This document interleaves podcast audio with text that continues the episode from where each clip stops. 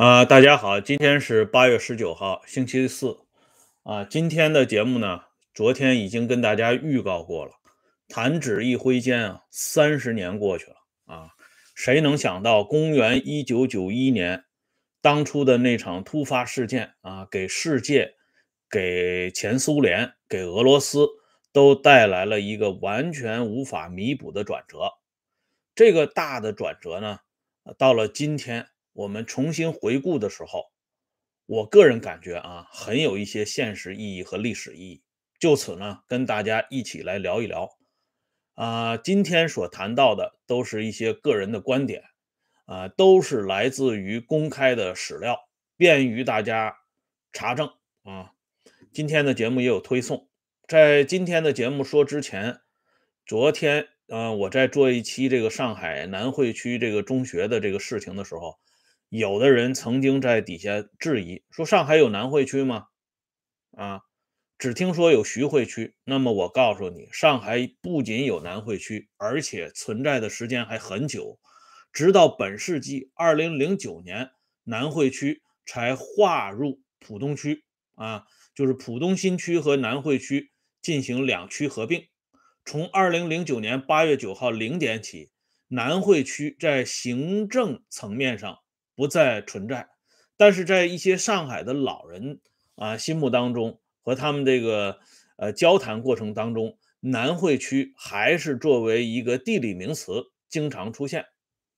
所以啊，这个对本节目的一些质疑啊，我非常欢迎。但是我希望你质疑的有证据、有根据啊，不要这个信口开河。那么下边呢，我们就来讲一下有证据的。八幺九三十周年啊，这场事件呢，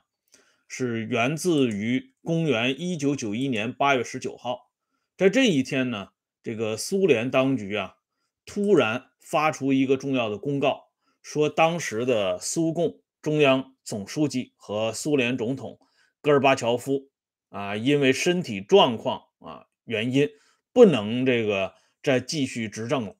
而由啊副总统。亚纳耶夫啊，这个国家安全委员会主席克留奇科夫、国防部部长亚纳啊亚佐夫、呃内务部部长普戈等人共同组成一个国家紧急状态委员会，由这个委员会来行使国家的全部的政治、军事等大权。那么这场啊以国家紧急状态委员会。为名义出现的政变就这么开始了。要说这场政变，它不是从天上掉下来的啊。关于这场政变的由头，嗯，这个事情已经过去三十年了，陆陆续续很多当事人的回忆录啊都出现了。刚才有个朋友还问到啊，比较专业的问题：内务部部长普戈到底是怎么去世的？一会儿会给大家说一下啊，原因非常神奇。是完全啊，让我们这些长期生活在伟大祖国的人们不能够理解的啊！这就是为什么今天我的这个节目的副标题讲到的是领导者的人格和军人的风骨。那么话还是接到刚才的主题上来，这场政变的由头呢，目前有两大分支儿。一支呢坚持传统的说法，就是由于戈尔巴乔夫的这套改革不得人心，造成经济下滑啊、物价飞涨啊、人民恐慌等等因素，所以啊，就有这么一部分官员，包括像亚纳耶夫他们站出来要维护啊。这有的朋友更专业啊，提到苏联的最后一天，这个是苏联。非常有名的麦德韦杰夫先生，著名的历史学家写的一本回忆录啊，这本书呢确实值得一读啊。不过呢，麦德韦杰夫啊，他的这个立场啊，大家关注一下，这个人是站在维护啊苏联的立场上来写的，所以他的有些指向呢颇比较偏颇啊，呃。传统的说法就是我刚才说的啊，这么一批官员站出来要维护苏联的既得利益和他原有的历史地位，这是一种说法。还有一种说法呢，就是这场政变其实本来就不应该有啊，因为呃，据一些当事人回忆，戈尔巴乔夫在到弗罗斯别墅去度假前夕，专门跟叶利钦等人做过交代啊，如果有的人不听招呼，那就可以对他们采取一些手段。哎，从这个回忆当中呢，我们也可以看到这个。八幺九事件，貌似啊是这个啊不是对叶利钦啊，是对亚纳耶夫。八幺九事件貌似是亚纳耶夫他们这些人在执行格尔加呃格尔巴乔夫之前下达的命令，而不是他们擅自做出的决定。所以目前这个由头就是有这么两个观点。这个呢，都姑且不论了，因为不管是什么样的原因，这个事件到底是发生了。那么，这个事件之前有一个新奥加廖沃会议，这个啊，要跟大家简单的提一下，因为这个会议在戈尔巴乔夫和叶利钦这两位重要当事人的回忆录当中都做过重点的描述。啊，因为这次会议呢，实际上是已经决定了啊，这个苏联的走向啊，一部分加盟共和国坚持站在戈尔巴乔夫和叶利钦的周围，组建一个新苏联。这个新苏联呢，实际上就是有点邦联的性质，名义上叫联邦，其实就是邦联啊。这些加盟共和国呢，结成一个松散的集体。表面上拥戴这个苏联的中央政府，而其实呢是各行其事。这个戈尔巴乔夫虽然还具有中央政府首脑的名义，但他的形象呢更像是天下共主的这个地位，有点像咱们中国古代的周天子的概念啊。当然了，他比周天子要有实权，因为这九个加盟共和国还要向中央政府表示效忠。这个方案本来是一个非常好的方案，可以说是兵不血刃的完成了转型。啊，而且戈尔巴乔夫与叶利钦和纳扎尔巴耶夫这三个人呢进行了密谈，决定未来的政府啊进行大方位的改组，把现在的啊总理呢就是部长会议主席换掉，由纳扎尔巴耶夫啊来担任。叶利钦也表示同意。但是叶利钦的回忆录里边增加了一点，就是说他们当时的谈话被人给窃听了。戈尔巴乔夫的回忆录里边只是转引了叶利钦的这段回忆，并没有对这件事情做出直接的肯定或者否定。而后呢，像这个麦德韦杰夫在内的这些历史学家在追寻这个事件的轨迹的时候，都认为当时其实没有窃听。啊，如果真的有窃听的话，后来的局面也不是这样一个局面。啊，这个事情呢，我们也不用过多的纠缠。我们再往下看事件的进程。这个弗罗斯别墅啊，非常完整啊，精准的体现了当时苏联的这个整体的党和国家的体制和体系。这个别墅啊，花费了一亿卢布啊。这个一亿卢布相当于什么概念呢？因为当时的卢布的这个对美元的比价是很高的，一卢布兑换一点三美元，所以这个别墅呢，这个花费非常巨大，啊，非常豪华，啊，戈尔巴乔夫呢对这个别墅也非常满意。这个别墅的完全的承建呢，是由啊国家安全委员会啊第九局完全负责，啊。换句话说呢，就是苏共和苏联的最高首长的安全起居，他不放心由任何机关来代替，都由这个克格勃来进行掌握。所以，当这个事变发生之后，克格勃呢，在弗罗斯的总负责人就已经提前被打好了招呼。啊，要求他们对国家紧急状态委员会负责，要求他们看管好戈尔巴乔夫和他身边的二十几名贴身警卫人员。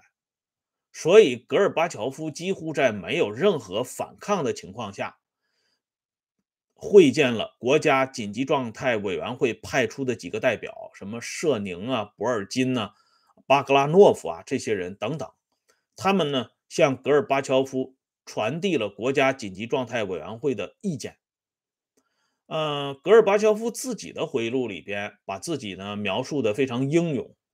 但是其他人的回忆，比如说舍宁啊、博尔金，博尔金是戈尔巴乔夫的中央办公厅主任，他们都认为戈尔巴乔夫几乎没什么挣扎。所以从这个例子里边呢，我们也可以看到啊，之前一直沸沸扬扬的后一种说法，即戈尔巴乔夫啊授意亚纳耶夫他们在紧急状态下。可以组织一个临时性的机构接管全国的权力，直到他重新回到莫斯科为止的这种说法，未必就是空穴来风啊。戈尔巴乔夫这边呢没有任何的反抗，可是叶利钦那边就不一样了。叶利钦呢知道的消息是很晚的，他整个在八月十八号都是盘根在。这个纳扎尔巴耶夫那边啊，老纳呢还非常好客，所以叶利钦的专机耽误了很久。等到他八月十九号早晨知道这件事情的时候，他居然是从自己的女儿口中得知的。这个老叶呢根本就不相信，他认为不可能有这种事情，怎么会有这么荒唐的事情？但随后事实告诉他，确实发生了这样重大的事变。有意思的是啊，这个国家紧急状态委员会明明知道叶利钦是他们必须解决问题的一个重要环节，却没有对叶利钦采取非常过激的手段。这样的话呢，叶利钦方面他的副总统鲁斯科伊啊，他是上校军衔，他自己呢居然组建了一支别动队。来保护俄罗斯总统和俄罗斯总统官邸的安全，这也就是后来老叶和老鲁他们为什么闹分家的原因。因为大家呢是一起起家的好哥们儿啊。而当时呢，俄罗斯方面啊，俄罗斯联邦方面做出非常坏的打算。如果老叶啊和这个议长被捕的话，鲁兹科伊。啊，哈斯布拉托夫他们这些人会顶上去，哪怕是跑到国外，也要组建一个流亡政府，绝不向国家紧急状态委员会这几个人低头屈服。啊，这也表现出俄罗斯联邦当时这个领导集体的这种强硬啊。那么接下来呢，这个事情又有了一个新的变化，就是国家紧急状态委员会他派出两支武装。一支呢是由格拉乔夫中将率领的空降兵部队，他要掌握莫斯科的全部；再一个呢是由这个阿尔法小组呢组建这种特种部队，对叶利钦呢进行逮捕。逮捕叶利钦的方案呢有两个啊，这个具体我就不给大家讲了啊。可是这两支部队的首脑呢都出现了问题，这个格拉乔夫中将啊。空降兵负责人格拉乔夫中将曾经在1991年的时候与叶利钦有过一面之缘。叶利钦这个人啊，当时就提出来，他直面啊，用这个鲁迅先生的话讲啊，真的猛士敢于直面惨淡的人生啊。这个叶利钦呢，就是直面人生，跟这个格拉乔夫说了一句话。他说：“当国家真正出现危难的时候，作为军人，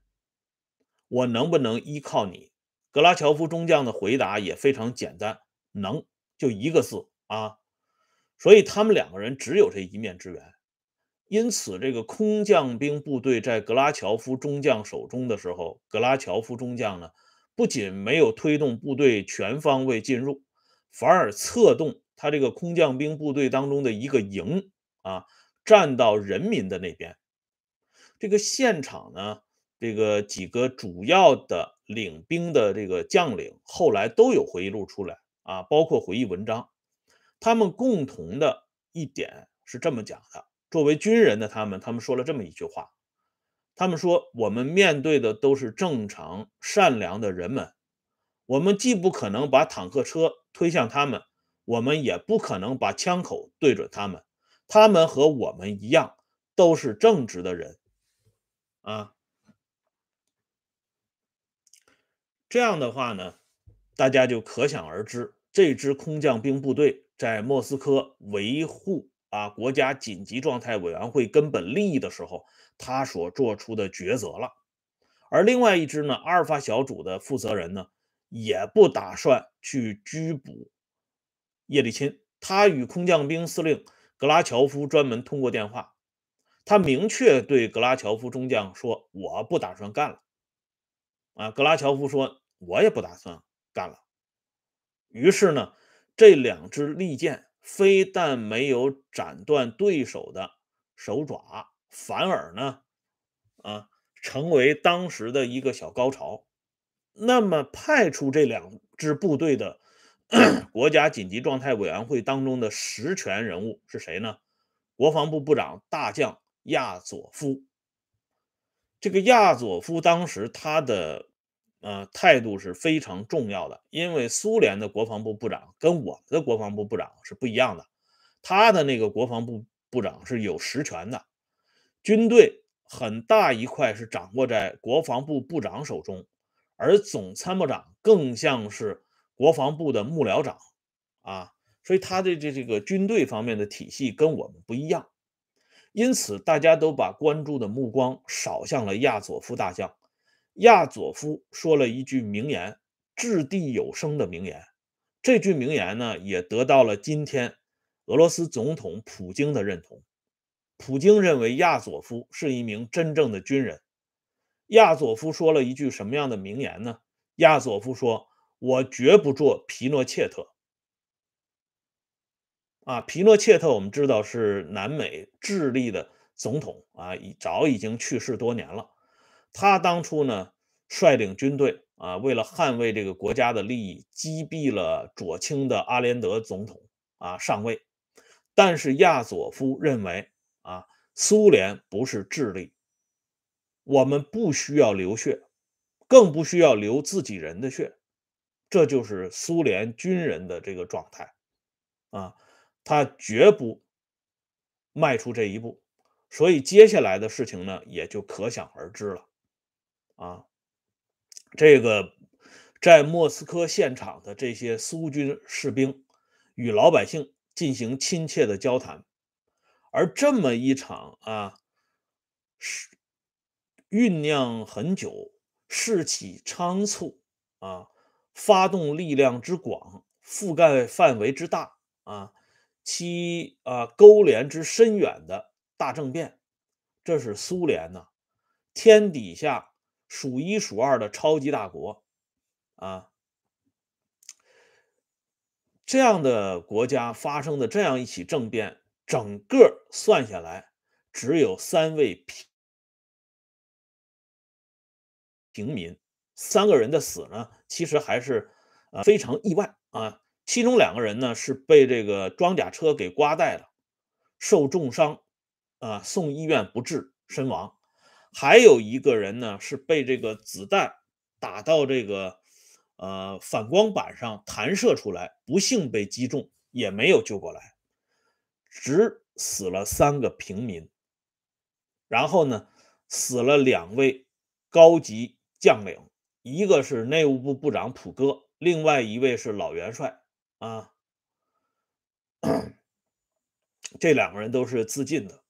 而普哥作为内务部部长，为什么自杀呢？刚才有的朋友就提出来了，他这个苏联的内务部呢，类似于我们这个公安部。啊，负责警卫，同时呢，它还包含着这个内卫部队的管理和指挥。这个内卫部队呢，类似于咱们的中国人民武装警察部队，所以这个内务部部长的权力也非常之大啊。军警宪特嘛，人家是站在第二位的。但是这个普哥部长为什么自杀了呢？这个国家紧急状态委员会里其他成员人家都没有自杀，只有他。啊，选择了自尽，因为他认为自己对这三位平民的死亡负有不可推卸的责任，所以这位老先生夫妇两个人都选择了自尽。啊，这个普哥呢是共青团干部出身，啊，那么是不是只有普哥一个人有这样的想法呢？不是，作为国家紧急状态委员会的总牵头人，戈尔巴乔夫的副手亚纳耶夫，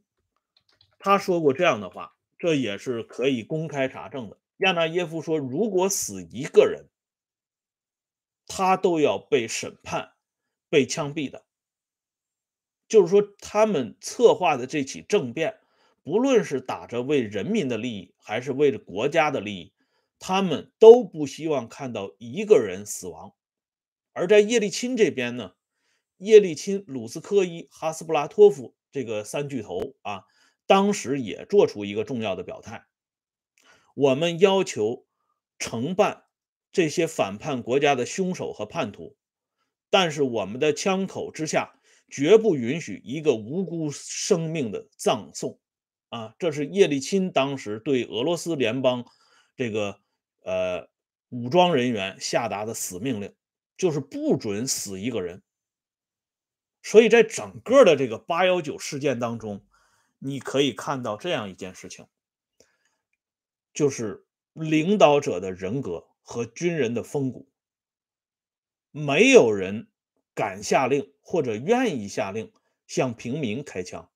没有人敢下令或者愿意下令向无辜者啊发难。他们要解决的就是政治层面的问题。所以，这样大的一个国家在完成转型的时候，居然用这样一种手段，这种几乎是啊完全不流血的手段进行了。所以回望这段历史，我相信留给大家的思考是非常之深远的，也是非常之深刻的。所以这也就难怪，直到今天，弗拉基米洛啊，弗拉基米尔·普京说过这样的话，因为普京当时也在这个大的这个政变活动当中，他只不过呢，他的级别比较低啊，不可能直接参与，但是他也在这个事件当中。因此，普京也是以一个过来人的身份，他曾经说过这样一句话：“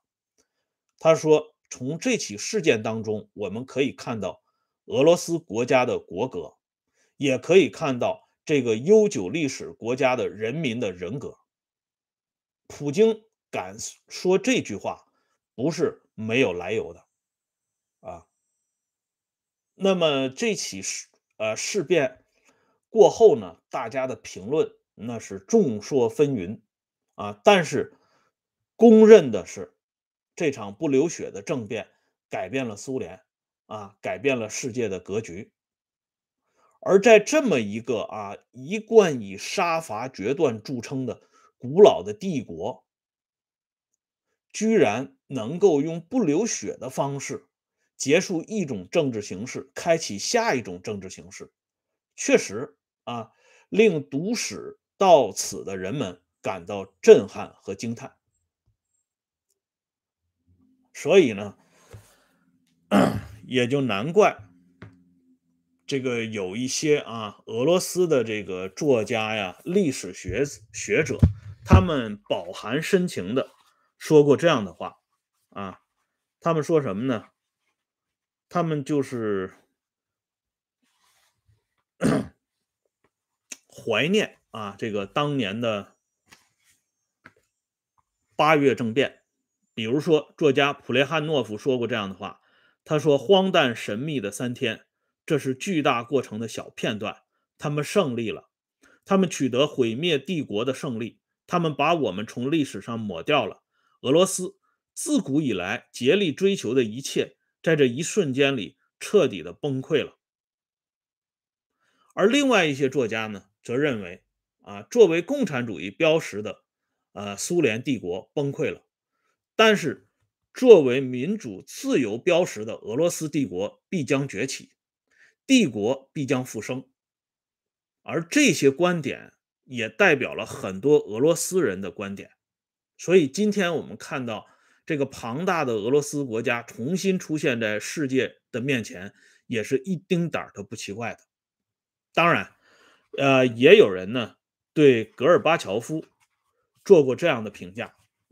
他告诉大家，戈尔巴乔夫不仅是苏联，而且是整个祖国历史的伟大的政治活动家。他艰难缓慢地行进在崎岖的路上，将身体的支撑点从左挪到右。又从右挪到左，但他的每一步都是向前的。